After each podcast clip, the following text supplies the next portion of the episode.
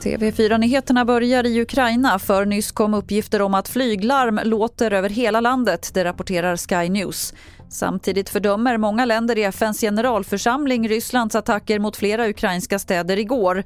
Och idag väntas Ukrainas president Zelensky be västledarna om mer militär hjälp. Och här i Sverige har regeringen kallat in krishanteringsrådet till ett extra möte på grund av situationen i omvärlden. Det skriver Expressen.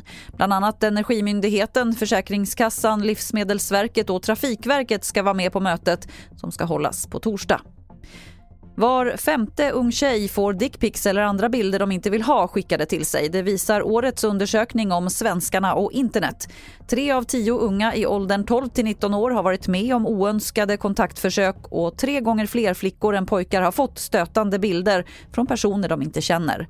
Vi hör Måns Jonasson på Internetstiftelsen. Det här tycker, tycker vi manar till eftertanke. Vad är det som gör att unga i allt större utsträckning upplever att det finns ett hårt samtalsklimat, att de utsätts för näthat, att de får oönskade kontaktförsök, att de får oönskade bilder skickade till sig. Det här är någonting som vi måste prata mycket mer om. Och fler nyheter det hittar du på tv4.se. Jag heter Lotta Wall.